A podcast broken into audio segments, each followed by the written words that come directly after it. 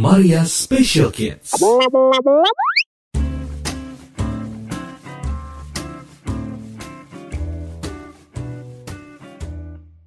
Telu Papat. Hai hai, berjumpa lagi dengan Rory Hardono. Dan Maria Hardono Tentu saja di acara kesayangan kita. acara kesayangan. Kesayangan kita karena kita berdua ya Kesayangan mereka juga mudah- mudah-mudahan ya Yes. Di di mana? Podcast Maria Special, Kids. Episode ketiga. Oke, hari ini kita akan ngomongin tentang kerjaan Pekerjaan untuk teman disabilitas. Jadi bukan pekerjaan aku atau pekerjaan kamu ya Bukan pekerjaan untuk teman disabilitas, koma ada nggak enggak sih? sih? Nah, Menurut kamu ada nggak? ada dong. Ada, karena aku kerja pasti kamu kamu kayak gitu ya. Eh, ya itu bisa bagian kecilnya. Cuman faktanya emang ada. Emang ada. dan selalu ada sebetulnya kalau kita mau melihat ya. Peluang itu selalu ada. Kalau nggak ada dibuat menjadi ada. Nah, masanya peluangnya kecil apa besar nih kan? nah ini butuh data nih kayak ini Oke, Bener, ini ini ngomong-ngomong soal data nih Maria ya. Ini ada sebuah penelitian yang menarik nih, tapi penelitiannya kayaknya di, ne- di negeri tetangga nih. Ini nih baru awal-awal udah ng- langsung ngomong penelitian nih si bapak nih. penelitian dong, Oke, ya kan? Kita butuh data-data supaya eh, para pendengar Maria Special Kid podcastnya ini percaya gitu loh. Eh, ya, oke. Jadi penelitian ini yang diadakan di Kanada dan di Australia, wah negaranya jauh-jauh ya. Kanada di mana, Australia di mana? Iya, jauh. Ya, kalau seseorang mengalami disabilitas, peluang untuk bekerjanya itu menjadi semakin kecil. Ternyata begitu ya. Peluang Iya. bekerjanya ternyata menjadi semakin kecil. Oke. Kenapa nih kira-kira? Kenapa kira-kira saya tidak mau sok tahu? Asik. tapi, ah, tapi mungkin ya, mungkin ya. Mungkin masih ada orang yang berpikir mempekerjakan teman-teman disabilitas ini memandang sebelah mata. Ah, nanti kalau mempekerjakan mereka nggak tuntas lagi pekerjaannya. Apa iya nanti dia kalau aku suruh kerja di depan komputer dia bisa, padahal dia nggak punya ini loh, dia nggak bisa itu loh. Nah, ini pandangan-pandangan negatif seperti ini sebetulnya masih ada nggak sih sebetulnya? Masih, Masih masih, ya? masih, masih, masih banget. Nah mungkin mungkin itu itu salah satunya kali ya. Iya, tapi itu kayak terlalu negatif deh. Atau kita pikir gini, mungkin mereka bingung. mungkin Ya. mereka bingung bagaimana atau akan ditaruh di mana posisi mereka sesuai dengan disabilitasnya gitu ya. Iya, bisa jadi atau kayak mereka bingung bisa kerja yang seperti apa ya teman-teman dengan disabilitas ini gitu kan. Bisa kerja yang seperti apa ya teman-teman yang disabilitas ini menarik tuh statementnya. Iya, betul. Nah, jangan-jangan nih eh, kamu yang lagi dengerin juga mikir nih ya. Mm-mm. Kira-kira temen dengan disabilitas tuh bisa kerja apa sih gitu kan? Betul. Tapi eh, ngomong-ngomong, kalau kita berbicara lapangan pekerjaan ya, sebenarnya dari si penyedia lapangan pekerjaan itu sendiri udah aware belum sih sama disabilitas dalam tanda kutip eh, mereka udah udah menyediakan fasilitas-fasilitas yang bisa memenuhi kebutuhan teman-teman disabilitas nggak sih? Sebenarnya ada yang udah loh. Ada yang udah ya? Ada, ada, ada yang udah.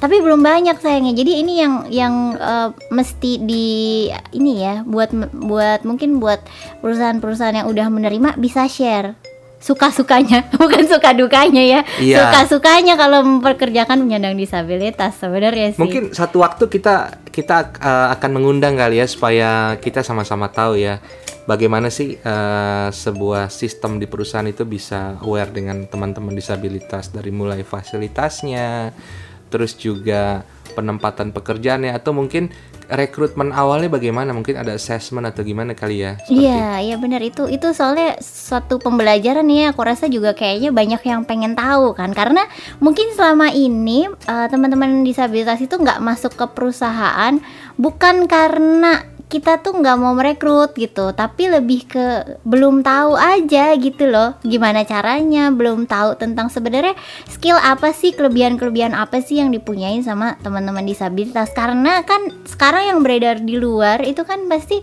kalau disabilitas identiknya dengan kelemahan kasihan kayak gitu-gitu kan Hmm, pandangan hmm. umumnya gitu jadi kayak kemampuan yang plus-plusnya itu masih terselubung Iya. Terselubung Bukan nggak ada. oleh asap. Iya. Iya. Ini mungkin eh, pertanyaan ini sering ditanyain juga ya. Kenapa sih penyandang disabilitas sulit mendapatkan pekerjaan? Itu eh, kadang-kadang ada sebuah pemikiran-pemikiran eh, pendidikannya rendah. Betul nggak sih penyandang disabilitas pendidikan rendah satu itu? Kedua, jaringan sosial yang terbatas. Jaringan sosial yang terbatas. Oke, tampung dulu. Ketiga, lapangan kerjanya juga terbatas. Hmm. Oke.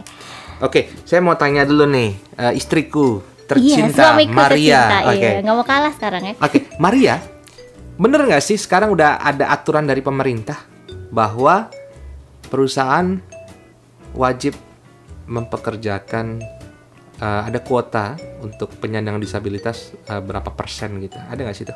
Ada peraturannya. Ada ya, Satu sampai dua persen kalau nggak salah. satu sampai dua persen. Iya, itu ada ketentuannya kayak kalau perusahaan negara tuh harus berapa minimal, kalau swasta berapa gitu. Jadi kayak misalkan gini, kalau misalkan satu perusahaan karyawannya ada 100 gitu Hmm. kan. Kalau satu persen kan berarti minimal satu orang gitu yang disabilitas. Ya, Nah, cuman eh, apakah ini dijalankan atau enggak? eh, aku sebenarnya gak terlalu tahu gitu ya. Tapi yang beredar di antara teman-teman disabilitas tuh yang rame itu mereka lebih kayak gini loh. Mereka masih merasa susah dapat kerjaan. Untuk perusahaan-perusahaan yang menerima itu bisa menerima lebih dari kuota yang emang ditentukan gitu. Jadi nggak satu dua persen, tapi mereka yang nerima bisa gitu nerima 5% gitu misalnya. Itu untuk yang nerima. Nah, buat yang belum nerima sendiri tuh kayak nggak ada sanksinya gitu loh. Maksudnya hmm. nggak setegas itu juga. Itu kayak masih kayak sekedar sebenarnya kayak peraturan tapi kesannya kayak himbauan gitu karena nggak ada sanksi biasanya kan kita kalau ada peraturan kan ada sanksi. ada sanksi kalau nggak dilakukan Ini nggak ada gitu kan? belum ada kayaknya Belum sih ada. Heeh, belum Oke, dengar jadi- gitu. belum pernah kan kita lihat berita bahwa perusahaan X eh, dituntut pemerintah karena tidak menerima penyandang disabilitas belum ada kayaknya belum beritanya belum belum, belum. Iya. saya jadi berpikir eh, mungkin di antara pemangku kebijakan di masing-masing perusahaan pemangku kebijakan bener ya benar bener ya. Berpikir bahwa mereka hanya mau menerima penyandang disabilitas tertentu saja. Eh, ini kejadian nih. Kejadian ya? Ah, ah, di- soalnya penyandang disabilitas kan ada ada banyak ragam itu ya? Banyak banyak. Jadi kayak kemarin tuh pengalaman cerita teman-teman yang apply itu loh apa Mm-mm. PNS PNS oke. CPNS itu. CPNS ya gimana kan? gimana gimana? Nah itu eh, kan aku juga sempat lihat-lihat tuh ya karena Mm-mm. penasaran. Nah jadi sebagian besar lowongan iya sih lowongan buat penyandang disabilitas tuh tambah banyak tuh. Jadi kayak hampir di semua apa mungkin malah di semua kementerian enggak deng nggak nggak semua hampir semua tuh membuka gitu ada eh, kesempatan buat penyandang disabilitas terus kayak misalkan posisi ini untuk disabilitas ada berapa eh, kursi kayak gitu-gitu kan. Ya. Nah, tapi pas dibuka itu tuh kebanyakan yang dibuka untuk tunadaksa. Tunadaksa Gitu. adalah Tunadaksa mereka yang eh, anggota geraknya jadi entah tangan atau kakinya gitu yang lumpuh. oke Nah, terus kalau dibaca lagi persyaratan detailnya itu tunadaksa ringan which bukan yang ringan tuh berarti misalkan kayak jalan tuh pakai tongkat atau misalkan lumpuh lumpuh cuma satu tangan itu yang ringan. Kalau yang udah eh, pakai kursi roda eh, terus misalkan eh, kedua tangan, kedua kaki nggak berfungsi itu udah dihitungnya berat gitu. Hmm. Jadi ya oke peluangnya ada gitu. Kayak yang kamu bilang tadi hanya tipe tertentu gitu Hmm. sebenarnya. Jadi kayak kemarin aku nyari gitu ya buat tunanetra mana nih mana nih gitu kan ya. Hmm, hmm. Ada sih gitu tapi lebih sedikit daripada yang memang buat tunadaksa gitu. Jadi lapangan pekerjaan terbatas. Iya betul karena ternyata masih masih ada uh, persepsi-persepsi seperti itu ya. Jadi ini semakin membatasi lagi ya. Jadi Iya. jadi apa kabar mereka yang tidak memas ti- tidak masuk dalam eh, kategori itu ya. Mm-mm, dan yang aku sedih itu ya ketika ngomong sama ketika ngobrol nih sama teman-teman di perusahaan itu tuh sebenarnya mereka karena nggak tahu gitu kayak misalkan teman-teman aku sendiri nih nggak tahu loh kalau aku pakai screen reader jadi bisa ngetik canggih gitu nggak tahu. Oke. kayak gitu gitu terus misalkan kayak eh Mar kok lu bisa cepet sih bales WA segala macam? Kok lu bisa sih buka PDF di handphone bisa bales email dengan secepat itu ya kan handphonenya bunyi bu gitu kan kayak Hmm. dia nggak banyak yang belum tahu padahal itu teman-teman aku sendiri yang dulu Halo, kita kuliah bareng udah zaman sekolah teknologi bareng nih ya. Nah itu, nah itu kan sebenarnya lebih ke nggak tahu. Jadi jadi kita nggak bisa ngejudge bahwa orang-orang tuh masih berpandangan negatif dengan penyandang disabilitas. Ya mungkin iya masih ada gitu. Cuman kayaknya lebih banyak yang sebenarnya nggak tahu deh daripada yang emang masih negatif gitu. Jadi gemes deh. Sebenarnya mereka yang membuat aturan-aturan ini ya, aturan penerimaan CPNS ini sebenarnya udah aware nggak sih sama disabilitas saat ini gitu? Mungkin disabilitas di tahun 80-an dengan disabilitas di era 2020 sekarang ini itu udah berbeda ya. Iya. Tapi kayaknya kalau presiden kita sih aware sih, karena kan salah satu staffnya kan itu kan si Oh, Mbak staffnya. cantik itu kan. Oke, oh iya ya. Disable kan dia. disabilitas juga ya harusnya itu menjadi poin plus ya. Jadi eh, dia bisa memberikan input-input yang sesuai dengan kebutuhan ya harusnya ya. Harapannya gitu. Dan beberapa temen disabilitas tuh udah ada yang di kementerian sih. Kayak di kementerian pendidikan tuh udah ada. Terus di kominfo juga udah ada gitu. Jadi sebenarnya sekarang tuh udah lebih oke sih daripada mungkin kalau kita ngomong awal tahun 2000 gitu ya. Karena Hmm. ini udah semakin banyak Hmm. gitu. Cuman ya emang masih harus diupayakan sih. Karena kan kita nggak bisa mengandalkan cuman dari atas atasnya akar rumputnya juga perlu semakin aware gitu kan sebenarnya. Masyarakat betul. umumnya gitu. Jadi emang eh, apa yang udah diperjuangkan oleh teman-teman disabilitas yang sekarang sudah eh, memangku jabatan di posisi-posisi tertentu ini mereka harus vokal ya harus mengikut mengedukasi atasan-atasan mereka supaya aware ya kan? Mm-mm. saya saya percaya beberapa tahun ke depan lagi pasti lebih bagus dan seterusnya seperti itu. Yakin banget Yakin apalagi teman-teman yang bahkan mau stay dengerin kita ngomong di sini kan ini udah ini nih orang-orang keren nih. Karena Iya. mereka peduli loh. Betul. kalian Karena- itu peduli sama aku yang disabilitas ya. Aku. Karena karena salah satu salah satu goal kita ya eh, Maria istriku ya salah satu goal kita eh, membuat eh, channel ini namanya channel ya? Podcast. Podcast podcast Maria Special Kids ini salah satunya adalah memberikan sebuah pesan-pesan edukasi kepada mereka yang belum tahu. Ya benar. bahwa disabilitas sekarang ini udah semakin keren ya. Iya jadi mereka mereka tuh ternyata bisa apa-apa loh bukan nggak bisa apa-apa gitu kan? Mm-mm. Tapi balik ke penelitian yang tadi tuh ya sebenarnya.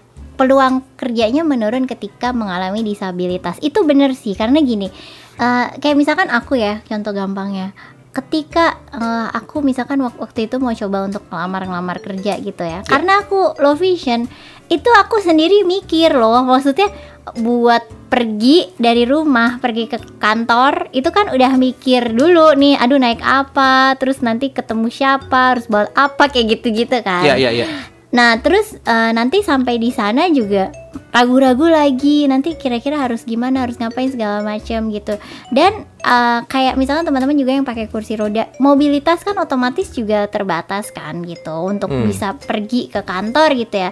Kan belum tentu bisa nggak nggak semua transportasi umum itu kan bisa dipakai gitu kan. Itu Iya, kan betul. udah membatasi ruang gerak sebenarnya yes gitu itu salah satu sat- satu, uh, hal yang bisa memperkecil peluang gitu terus yang kedua ini dari dalam diri sendiri tuh kayak aku gitu udah mikirin-mikir juga kan. Maksudnya udah ada keraguan. Mungkin kalau untuk teman-teman yang nggak punya disabilitas tuh bisa pede aja gitu loh ngelamar di mana-mana gitu. Di samping mungkin nggak pede karena skill. Mungkin aduh kayaknya aku belum sejago itu deh. Tapi kan teman-teman disabilitas mikirinnya nggak cuman masalah skill masalah uh, pengetahuan kemampuan yang dipunyain tapi masalah disabilitasnya dipikirin juga. Itu jadi kayak emang udah membatasi uh, pergerakan juga sebenarnya gitu. Jadi sebelum kita mikirin ke sudut pandang dari luar dari si uh, entah perusahaannya atau masyarakat tetapi dari diri penyandang disabilitas sendiri ketika mau ngelamar kerja tuh udah udah ada merasa terbatas gitu loh sebenarnya gitu. Makanya emang perlu banget gitu karena kayak kayak perlu saling saling support sih sebenarnya gitu. Karena kalau misalkan lingkungannya ternyata open banget kan otomatis si uh, penyandang disabilitas yang tadinya ragu-ragu ini kan jadi kayak ketarik juga gitu untuk keluar. Maria Special Kids. Hmm. Gitu. Oke, okay, oke, okay, oke. Okay. Tapi gini, yang aku lihat dari kamu ya, bahwa seorang penyandang disabilitas itu, itu ternyata ha juga harus punya daya juang yang kuat. Bener nggak nih? Bener. Jadi artinya dari dirinya mereka sendiri, kalau mereka ingin mendapatkan pekerjaan itu, ya jangan cuman menunggu ada pengumuman, ya jangan jangan cuman menunggu uh, ada orang yang menyampaikan informasi. Meskipun misalnya nggak ada, tapi berani aja masuk dan berani juga menyampaikan bahwa seperti kamu ya Mar pada waktu itu.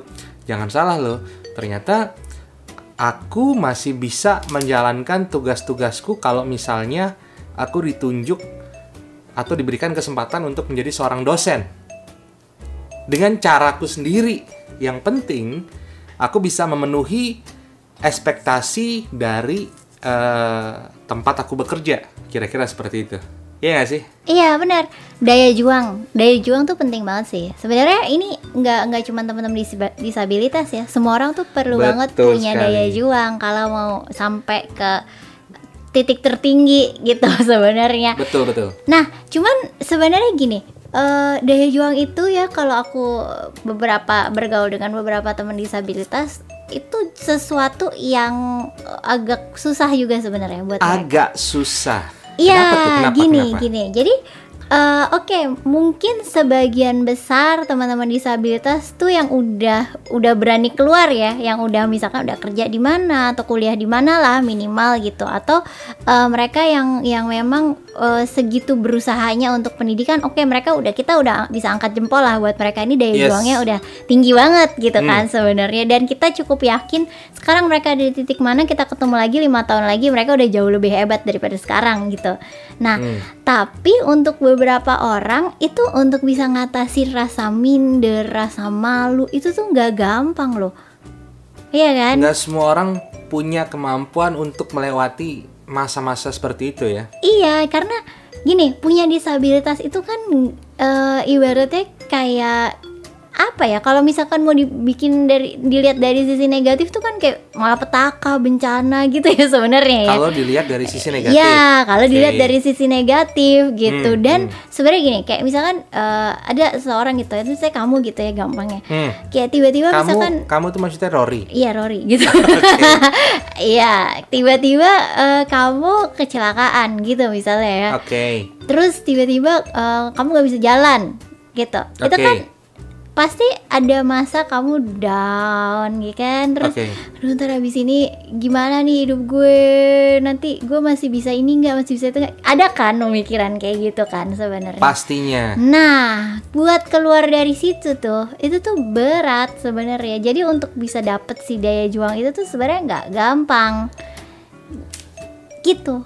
Gitu ya? Iya tapi buat gini kalau aku ketemu teman-teman yang disabilitasnya dari lahir itu cenderung lebih bisa untuk uh, punya daya juang akhirnya lebih lebih bisa move on karena mereka sudah melewati masa itu Ya karena dari lahir boy okay. maksudnya dari lahir mereka hidup dengan udah hidup dengan itu gitu sebenarnya. Okay, okay. Tapi ada juga mereka yang dari lahir tuh nggak move on move on. Nah itu biasanya karena faktor lingkungannya tuh segitu negatifnya.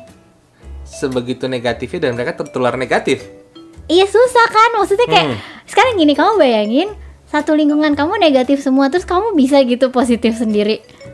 Susah kan? Bisa aja kalau dia sering nonton YouTube atau baca-baca nah tetap bisa bener. Tapi lebih susah. Nggak banyak orangnya. Uh -uh. ada kan tetap ada. Tapi susah kan? Susah. Uh -uh. yang umum kan kayak teman lingkungan kamu negatif kamu negatif gitu mikirnya ya. Kita ngomongin mikir loh. Betul, betul. nah tapi kalau lingkungan kamu positif itu akan semakin gampang buat kamu jadi positif kan sebenarnya. Hmm, nah itu yang terjadi sih sama teman-teman disabilitas tuh juga sama gitu. Begitu lingkungannya tuh senegatif itu untuk dia bisa jadi positif itu effortnya gede banget dari diri dia sendiri. Gitu. Oke, aku pengen tanya nih pengalaman pribadi kamu ya, pengalaman pribadi kamu bahwa eh, seperti kamu bilang tadi masalah eh, daya juang ya, bahwa kamu udah bisa eh, diterima di sebuah eh, pekerjaan yang sekarang kamu eh, lakukan sebagai seorang dosen di sebuah perguruan tinggi swasta yang lokasinya ada di Semanggi. Oke, ya. Oke. Pasti mereka nggak nggak eh, nggak serta merta langsung oke Maria eh, kamu kita rekrut untuk menjadi dosen. Pasti mereka juga sudah secara tidak langsung eh, apa mendapatkan sebuah jawaban dari keraguan-keraguan mereka dan kamu juga udah bisa eh, apa istilahnya menunjukkan kalau kamu tuh mampu gitu loh dan aku aku juga percaya pasti di luar keyakinan kamu mampu kamu masih menghadapi beberapa eh, masalah-masalah yang mungkin itu nggak access- accessible sama kamu gitu ya Iya masih ada, tapi sebenarnya aku tuh belum sekeren itu loh. Maksudnya gini, aku ada di satu kampus yang eh, aku ngajar di situ, tapi dulu aku kuliah di situ juga kan. Jadi orang-orang di dalam situ tuh udah lihat track record aku. itu yang aku maksud bahwa mereka sudah melihat gitu kan Iya, nah yang lebih keren kan teman-teman aku yang kayak bukan dari mana-mana tiba-tiba bisa masuk ke satu perusahaan itu lebih keren kan daripada aku. Betul. Karena mereka berhadapan dengan orang-orang yang sebenarnya nggak kenal mereka. Kalau aku kan orang-orang udah kenal aku gitu kan, jadi mereka ngelihat bagaimana aku selama ini kayak gitu, terus akhirnya mereka mau nerima. Nah lebih keren lagi sebenarnya ini ada loh teman-teman kita disabilitas yang mereka tuh masuk ke suatu perusahaan Ya. yang tadinya perusahaan itu tuh nggak tahu sama sekali nih orang siapa bisa apa ngapain aja gitu. Sama sekali nggak tahu itu lebih keren. Dan itu ada sebenarnya dan itu keren dua-duanya sih. Si, si teman aku yang bisa bisa tuh juga keren. Perusahaannya pun keren. Bisa gitu percaya sama orang yang dia nggak tahu sama sekali gitu kan sebenarnya. Cuman biasanya ini ya ada ada kesempatan dari si penyandang disabilitas yang sudah diterima di perusahaan itu untuk menularkan kepada rekan-rekan kerjanya di situ atau malah kepada teman-teman disabilitas bahwa eh gue bisa nih bekerja di perusahaan ini kalau gue bisa lu juga bisa iya Iya kan? iya iya pasti pasti Ar- bisa saling artinya- menularkan gitu Artinya mereka juga tertarik untuk either bekerja di tempat si penyandang disabilitas yang udah bekerja ini atau di tempat-tempat lain karena termotivasi gitu ya. Mm-mm. Dan biasanya yang paling gampang mungkin cari perusahaan yang setipe gitu. Iya Karena kadang-kadang kayak kita eh, kayak kemarin tuh ada ada satu temen yang baru berapa bulan lalu kan mulai join jadi content writer tuh tunanetra content writer. Nah itu kan jadi teman-teman tunanetra yang lain tuh oh ternyata bisa ya tunanetra jadi content writer kayak gitu terus mereka jadi mikir untuk eh, apalagi teman-teman yang masih kuliah tuh lagi mikir oh mungkin eh, bisa juga nih kita eh, nanti mengarah ke situ kayak gitu kan sebenarnya kayak menularkan spirit itu gitu. Hmm. Terus ada juga malah yang mikir oke ada lagi nih baru nih jadi content writer. Besok eh, kira-kira gue bisa nggak ya masuk ke profesi yang baru lagi yang belum ada tunanetra kerja di situ gitu? Ada jadi yang pengen kayak gitu juga. Tapi tadi menarik tuh eh, statementmu eh, Maria. Jadi eh, setelah si tadi temanmu tunanetra bisa menjadi content writer, terus rombongan-rombongan tunanetra lainnya yang mungkin usianya masih jauh di bawah sudah mulai mempersiapkan gue harus kuliah di mana nih supaya gue bisa menjadi seperti dia. Artinya content writer mungkin kuliahnya di sastra atau kuliahnya di komunikasi. Jadi mempersiapkan atau mungkin ketika eh, pendahulu-pendahulunya sudah menempati jabatan apa menempati eh, tempat-tempat di lapangan pekerjaan itu eh, mereka bisa eh, ikut termotivasi dengan kembali melihat talenta yang udah diberikan Tuhan kepada si disa teman-teman disabilitas ini sebenarnya gue punya talenta apa sih gitu kan Iya, gitu. karena eh ya eh, bu- bukan mitos apa namanya ya pandangan-pandangan bahwa tunanetra sama dengan eh, jualan kerupuk, jualan kerupuk, mijet, gitu mijit, kan yang umum. atau tunarungu sama dengan apa itu udah udah terlalu old school banget sekarang tunanetra bisa menjadi apa tunadaksa bisa menjadi apa yang kita nggak kepikiran gitu loh Iya. Iya kan? Nah ini sebenarnya kalau untuk bisa menciptakan eh, nanti mereka jadi apa yang kita nggak kepikiran sekarang itu kan sebenarnya bisa da- ja- bisa dari si disabilitasnya yang Iya. mereka mendobrak atau bisa juga dari eh, yang non disabilitasnya istilahnya temen-temennya atau dari perusahaannya sendiri yang ngelihat ih ini orang kayak bisa nih gitu. Ya kan? Bisa tapi juga. sampai ada statement ih ini orang ternyata bisa nih. Itu ada prosesnya tuh. Gimana tuh prosesnya? Iya artinya eh tadi seperti eh, yang udah disampaikan di awal harus eh, teman-teman disabilitas ini jangan cuma diem. Harus vokal dong. Kalau pengen dilihat kalau pengen didengar kalau pengen diberikan kesempatan ini menurut saya ya tunjukin kalau kamu adalah orang-orang yang apa recommended orang-orang yang keren orang-orang yang eh, emang layak untuk diberikan kesempatan gitu gak sih Iya, iya sih benar-benar. Tapi ya gitu, emang harus dua-duanya sih, nggak bisa jalan sendiri kayak eh, teman disabilitas tuh nggak. Kalau misalkan dia udah eh, ini speak up gitu ya misalnya, Mhm. terus udah berani nyoba sana sini, nanya sana sini, tapi terus nggak dia nggak ada yang nanggepin atau nggak ada yang mau dengerin, nggak ada yang mau eh, membuka kesempatan juga tetap nggak ke mana-mana sih. Jadi emang kayaknya harus dua-duanya. Jadi disa- si teman-teman disabelnya ini juga harus ber- berusaha terus punya daya juang yang tinggi, Mm-mm. masyarakat gitu ya. Terus eh, si pemangku kebijakan, teman-teman yang ada di perusahaan tuh juga harus eh, membuka mata gitu bahwa eh, ja- jangan berpegang pada pemikiran jadul yang teman-teman disabilitas tuh ya udah disable gitu nggak bisa apa-apa. Jangan Mhm. mikir gitu tapi sekarang eh, kita open mind sebenarnya. Bisa ya oke mereka punya disabilitas mungkin nggak bisa ngomong atau nggak bisa denger. Kita lihatnya oke mereka nggak bisa itu aja gitu. Kan semua orang punya kelemahan kan sebenarnya. Iya. Gitu. Jadi kita anggap oke kelemahan dia mungkin nggak bisa ngomong. Ya udah terus kelebihannya apa gitu kan yang Mhm. dicari sebenarnya Oke. Nah, eh ini ada beberapa informasi-informasi ya.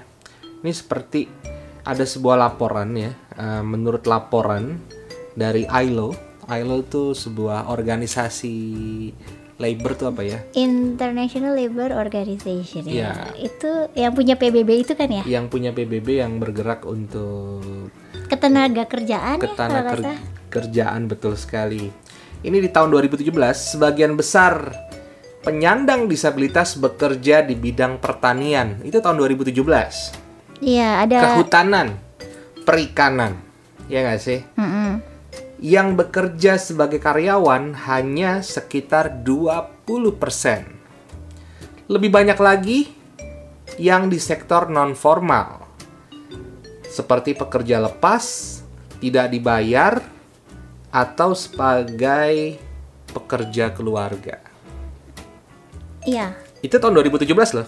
Mm, ber- ini kan risetnya kayaknya datanya seluruh Indonesia berarti ya Iya, bukan ya jadi kan mungkin kalau kayak misalkan di pulau-pulau Kalimantan Hmm. terus Sulawesi gitu ya atau Pulau Jawa pun juga masih banyak kan yang kayak pekerjaannya tuh di pertanian peternakan kehutanan gitu-gitu kan Ya betul.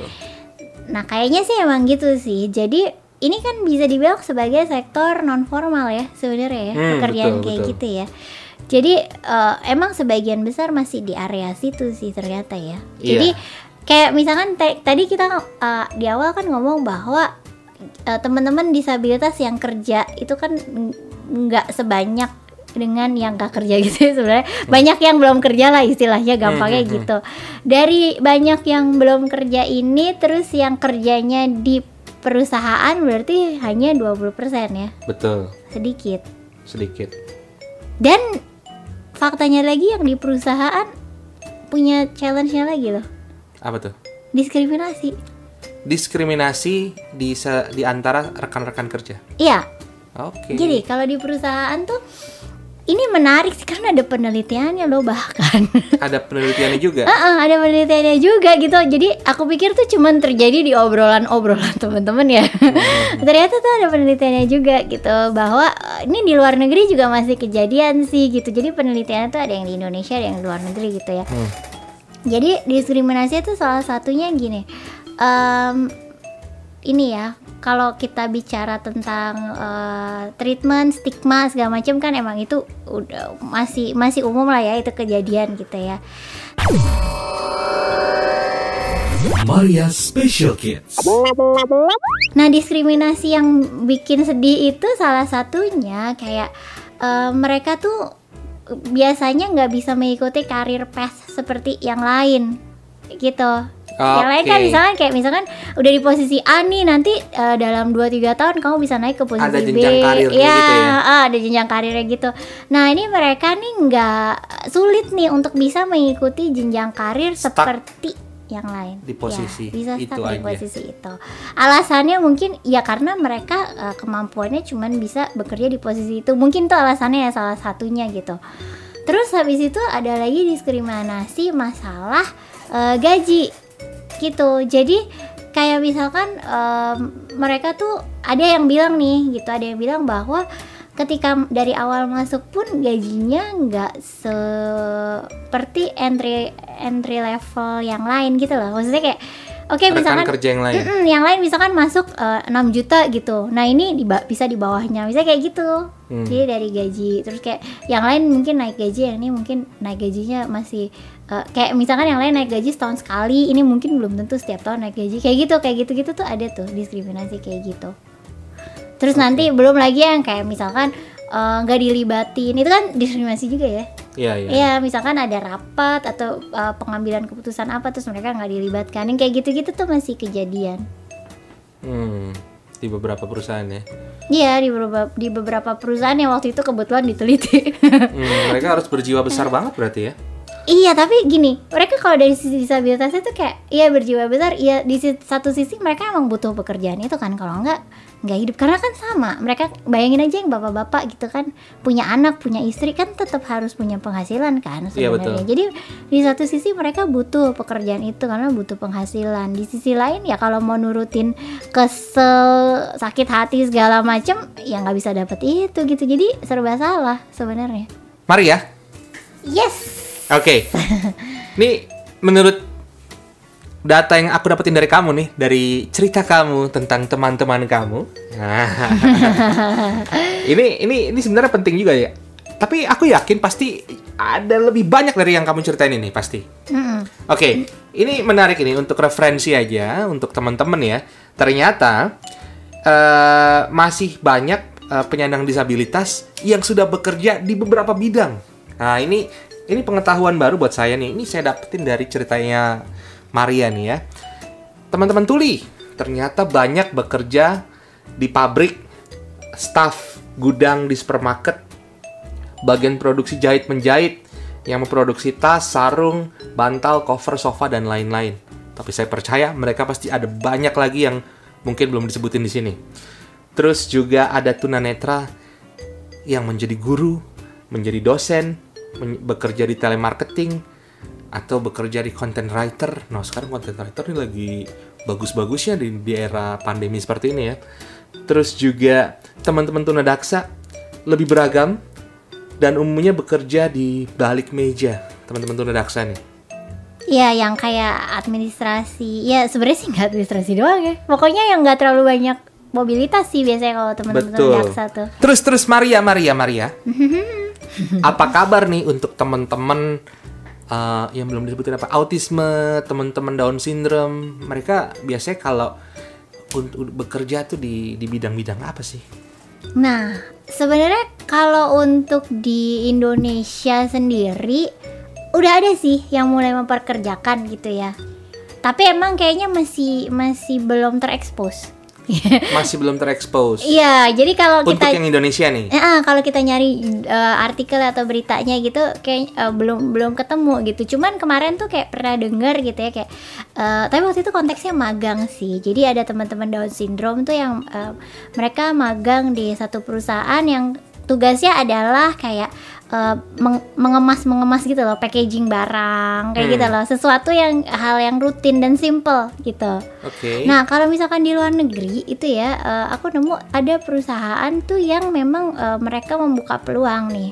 Jadi eh, dari awal rekrutmen sampai ketika mereka eh, teman-teman ini kerja itu tuh udah difasilitasi. Terus karyawannya itu juga sudah disiapkan bahwa oh ini akan ada eh, teman-teman dengan Down syndrome, teman- teman-teman dengan autism yang akan join sama kita gitu.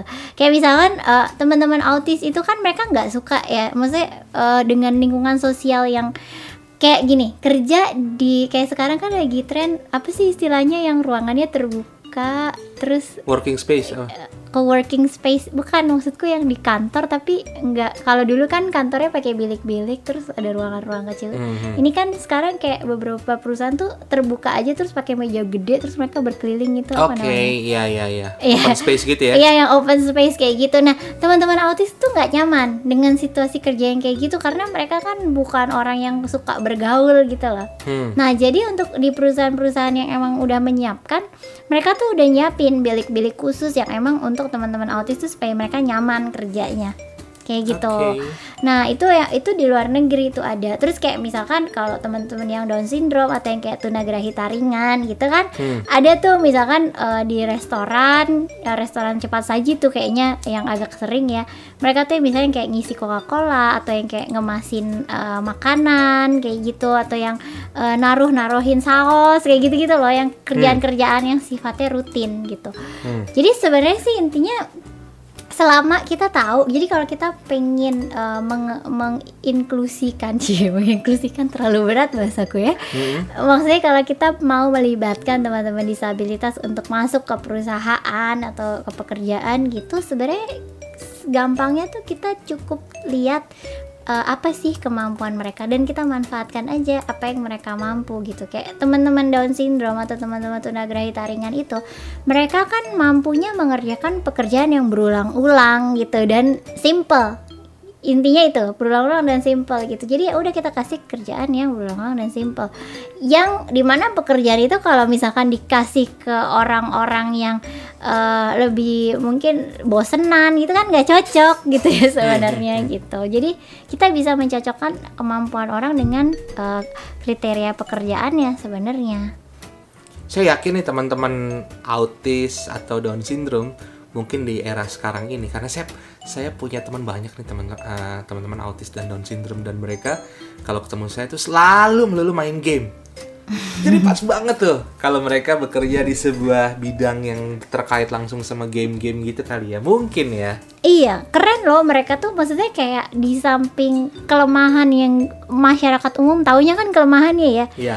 Itu tuh kayak barusan kemarin tuh baca penelitian ini loh eh, anak-anak dengan autis itu ya mereka tuh brilian loh ternyata. Maksudnya mungkin kalau di tes IQ-nya skornya biasa aja, tapi terus ada beberapa aspek yang skornya menjulang gitu kayak tiba-tiba eh, kemampuan berhitungnya tinggi banget gitu kan atau kemampuan visualnya tinggi banget. Nah, ini kan sebenarnya bisa banget dimanfaatkan untuk pekerjaan sebenarnya.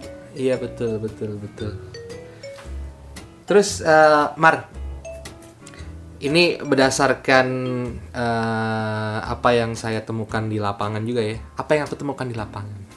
Ada apa? Bola? Ada bola. Gawang? Iya. Jadi beberapa orang tua, beberapa orang tua ternyata yang mereka eh, bagus ya beberapa orang tua yang saya temukan ya, yang mempunyai anak-anak disabilitas ternyata dari jauh-jauh hari mereka tuh sudah juga ikut mempersiapkan baik mempersiapkan anaknya supaya bisa ke depannya masa depannya mereka diterima untuk bekerja ataupun mereka juga sudah mempersiapkan sebuah lapangan pekerjaan cadangan yang nantinya ketika anaknya mengalami hambatan mereka juga sudah mempersiapkan itu supaya anaknya juga bisa bekerja walaupun bentuknya wira swasta ya Mm-mm. jadi pekerjaan yang emang diadakan sendiri gitu loh Iya. Itu ada tuh teman kita tuh yang Down syndrome itu tau gak sih kamu? Tahu Iya, yang saya. yang buka laundry bahkan di di laundrynya itu eh, dia juga ngajak teman-teman dengan Down syndrome yang lain untuk kerja di situ. Iya. Dan itu laris banget. Wow. luar biasa keren. sekali Iya. ya jadi mungkin eh, orang tua juga harus bisa melihat opportunity itu ya. Juga harus melihat talenta-talenta yang dimiliki oleh anak-anak mereka sendiri. Ketika orang lain tidak bisa melihat hal itu ketika perusahaan-perusahaan tidak bisa melihat hal itu tapi orang tua bisa melihat kenapa nggak buat sendiri? Misalnya ya kalau mereka pinter mencari modal misalnya mereka punya kenalan dapat donatur atau bagaimana terus menciptakan lapangan pekerjaan sendiri karena Itu bisa keren banget. karena saya adalah pelanggan di salah satu kafe yang dibuat sama teman-teman tuli Nah, itu enak ya kopinya. enak banget kita nggak usah nyebutin nama kafenya dan kafenya ini ternyata sudah tersebar di beberapa tempat di Jakarta ya khususnya ya Hmm, dua apa tiga gitu ya kayaknya cabangnya. betul betul betul itu itu itu salah satu contohnya sih salah satu contohnya tapi contoh lainnya banyak bahkan sampai eh, ada tempat cucian mobil ada aduh banyak banget Banyak kok ada yang kayak jualan roti, terus ada yang ayam geprek juga. Itu juga tuh teman-teman disabilitas tuh sekarang udah mulai banyak sih yang berani buka bisnis dan itu keren. keren banget keren keren jadi ya itu eh, kita harus melihat peluang-peluang itu dan kalian eh, teman-teman disabilitas juga harus melihat kemampuan kalian eh, seperti apa dan harus ke mana nantinya gitu. Nah, kira-kira menurut kamu kenapa tuh bisa ada teman-teman yang seberani itu dan sesukses itu gitu? karena mereka punya impian mereka punya cita-cita ya sih Pasti. Tapi gini, kalau mereka punya impian, punya cita-cita, tapi nggak ada yang support, mereka nggak akan ke mana-mana. Jadi aku yakin support dari lingkungan terdekatnya dia itu pasti luar biasa. lingkungan terdekat adalah keluarga betul nggak? Keluarga, teman-teman, tetangga yang deket lah pokoknya. Iya. Jadi sebenarnya gini, uh, aku tuh pengen ngajak buat kamu semua nih yang lagi dengerin gitu ya. Coba sekarang mulai lirik kiri kanan gitu. Uh, kalau misalkan pergi ke mana-mana, mulai coba tengok-tengok kiri kanan kita ada nggak sih teman dengan disabilitas gitu. Nah, ketika uh, kamu ketemu teman dengan disabilitas, ingat mereka bukan butuh dikasihanin. Jangan kasihan, jangan kasihan sama Maria ya, nggak usah. gitu ya. Tapi coba kasih mereka peluang, kasih mereka support. Itu aja, simple. Gitu. iya iya iya iya kasih kesempatan ya Mm-mm. Kalau udah dikasih sekali, uh, eh, keselak. Oke.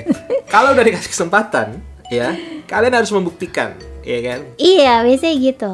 Udah ada nggak sih sebuah lembaga atau sebuah aplikasi atau sesuatu yang diciptakan supaya teman-teman disabilitas ini bisa tahu bahwa ada bukaan loh atau ada lowongan loh di perusahaan ini, ada lowongan loh di perusahaan itu. Sebenarnya ada nggak sih itu? Ada, Ada ya? ada, ada, ada. Udah ada yang fasilitasi nih? Ada. Jadi ada websitenya, ada IG-nya juga sebenarnya. Ada websitenya, ada IG-nya juga. Nah, disebut nggak sih? Boleh boleh. Kalau kalau kamu tahu dan ini emang udah faktanya ada gitu, sebut aja. Oke, yang eh, salah satu yang aku tahu itu kerjabilitas namanya. Kerjabilitas. Oke, nah Itu terus tuh apa tuh? Dia dia Eh, memfasilitasi ini ya. dia kayak perantara gitu loh. Jadi dia Perantara. dia membuka eh, dia ngasih info lowongan, terus dia kayak membantu juga untuk eh, sampai masuk ke rekrutmen gitu biasanya. Oke. Nah, satu lagi yang lagi aktif tuh Divaling. Divaling. Mm-mm. Oke. Jadi dua ini salah satu ini sih ya mereka mereka keren, mereka keren. Dua di antara yang Oh, banyak masih iya, banyak ya. Bener, dua di antara yang banyak. Ini yang aku tahu, yang aku nggak tahu Ini yang pasti Maria banyak. tahu. Ya, ya mungkin yang Maria Maria belum tahu ada banyak lagi. Tapi artinya di sini ternyata ada loh mereka-mereka yang peduli dan mau membagikan sebuah informasi lapangan pekerjaan. Jadi tugas eh, kalian teman-teman disabilitas yang mau atau mencari pekerjaan ya tinggal aktif aja googling. Sama ini teman-teman yang di perusahaan kalau udah mikir, aduh kayaknya boleh juga nih rekrut eh, teman-teman disabilitas itu juga bisa kontak mereka. Teman-teman dari perusahaan. Oh iya bener. Mereka juga bisa bisa ngontek si pe- penyelenggara atau apa pun lah namanya tadi ya. Iya itu mereka Itu organisasi-organisasi untuk itu. mendapatkan informasi. Mm-mm, karena si organisasi ini kan punya kayak ini loh punya stok punya stok teman-teman disabilitas yang nyari kerja gitu jadi Iya. mereka tuh udah ngumpulin CV CV-nya gitu jadi kalau misalkan ada perusahaan yang udah mikir pengen nih coba rekrut gitu bisa hubungin mereka jadi misalnya misalnya saya dari sebuah perusahaan besar nih der eh, saya membuka lowongan di bidang HR misalnya ya. Eh, ada dua lowongan nih. Terus saya pengen banget mempekerjakan teman-teman disabilitas. Terus saya tinggal menghubungi si penyelenggara ini ya tadi ya si Mm, apa yang dua organis ya organisasi itu. organisasi ini supaya saya bisa mendapatkan informasi kira-kira penyandang disabilitas apa yang bisa ditempatkan di eh, HR tadi itu ya Mm-mm, bisa Misalnya bisa seperti kayak ya. gitu bisa kayak gitu jadi dia dua arah kan soalnya jadi Hmm, oke. mereka ngumpulin dari uh, perusahaannya juga sama dari teman-teman disabilitasnya juga jadi kayak penengahnya gitu lah pokoknya kayak penengahnya ya Heeh. Menarik, menarik. Oke, oke. Terus, terus, Mar, Mar. Misalnya, aku nih sebuah perusahaan nih. Mm-mm. Terus aku sudah berbaik eh, diri untuk menerima penyandang disabilitas untuk bekerja di perusahaanku. Mm-mm. Tapi ternyata mereka tidak bisa memberikan performa yang terbaik dalam pekerjaan mereka. Ini baiknya gimana nih? Oke, nah ini pertama kita mesti cek dulu sebenarnya. Ya, Cek dulu dia eh, performa yang kurang oke tuh emang eh, penempatannya salah karena bisa jadi kan. Bisa, Ternyata bisa. kerjaannya nggak sesuai sama kemampuannya gitu. Yes. Mungkin itu. Itu pertama yang dicek itu. Atau bisa juga memang si eh, penyandang disabilitasnya tuh yang kurang oke etos kerjanya. Karena kan Ya seperti orang pada umumnya ya, nggak semua punya skill dan etos kerja dan sikap kerja yang oke, ya kan? hmm. Kayak kita kan juga punya nih teman-teman yang sebenarnya performance di tempat pekerjaannya nggak sebagus itu kalau dibandingin teman-teman yang lain. Nah, teman-teman disabilitas itu juga sama, ada satu dua tetap gitu ya yang mungkin nggak seoke itu gitu.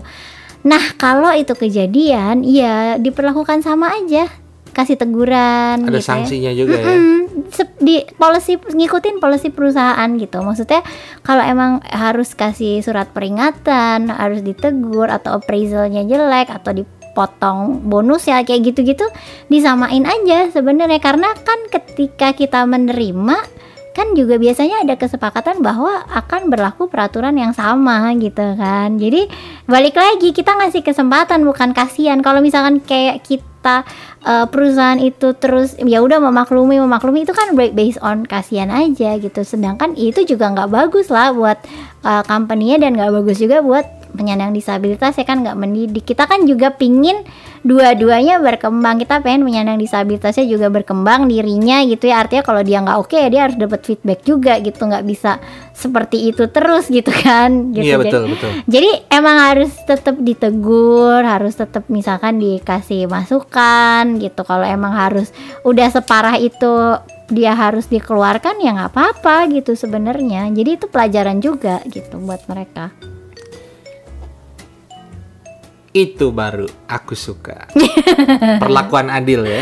Iya adil setara gitulah pokoknya gitu. Jadi ya kita kita mencoba mengubah mindset lah kalau dulu kita ngomongin disabilitas tuh semuanya modenya kasihan gitu kan. Hmm, hmm. udah gitu kita move on gitu jangan di situ lagi gitu sekarang Iya iya iya.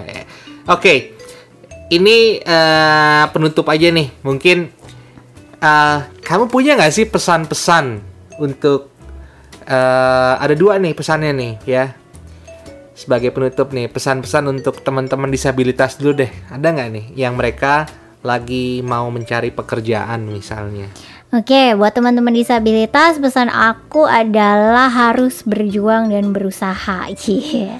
Berjuang, berusaha, kembangkan diri, kembangkan skill sebaik mungkin supaya kita bisa meyakinkan orang bahwa kita bisa. Sebenarnya gitu pesannya. kalau untuk uh, teman-teman disabilitas. Terus proaktif yaitu jangan menunggu, jangan menunggu kesempatan itu datang tapi coba create kesempatan itu gitu.